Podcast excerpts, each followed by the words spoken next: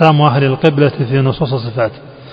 والناس في هذه على اختلاف والحق ما جاء عن الأسلاف. فكل ما يروونه متبعا وحاذرا يا صاحب المبتدعا كالجهم والمعتزل والأشعار وكل ذي تعطيل أو رأي جريم. كذا الممثل الذي لخرقه قد مثل المولى الولي بخلقه. كذاك ذو التفويض والتجهيل لصحبنا أو النبي الخليل. كذاك ذو التشكيك والكثير من علماء الفقه بذا يشير.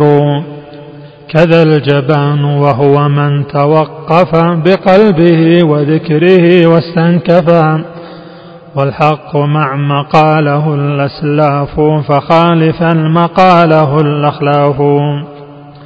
واحمد إلهك الذي هداك للحق يا خليلي واجتباك. قد فز من لنفسه زكاها وخاب من لنفسه دساها.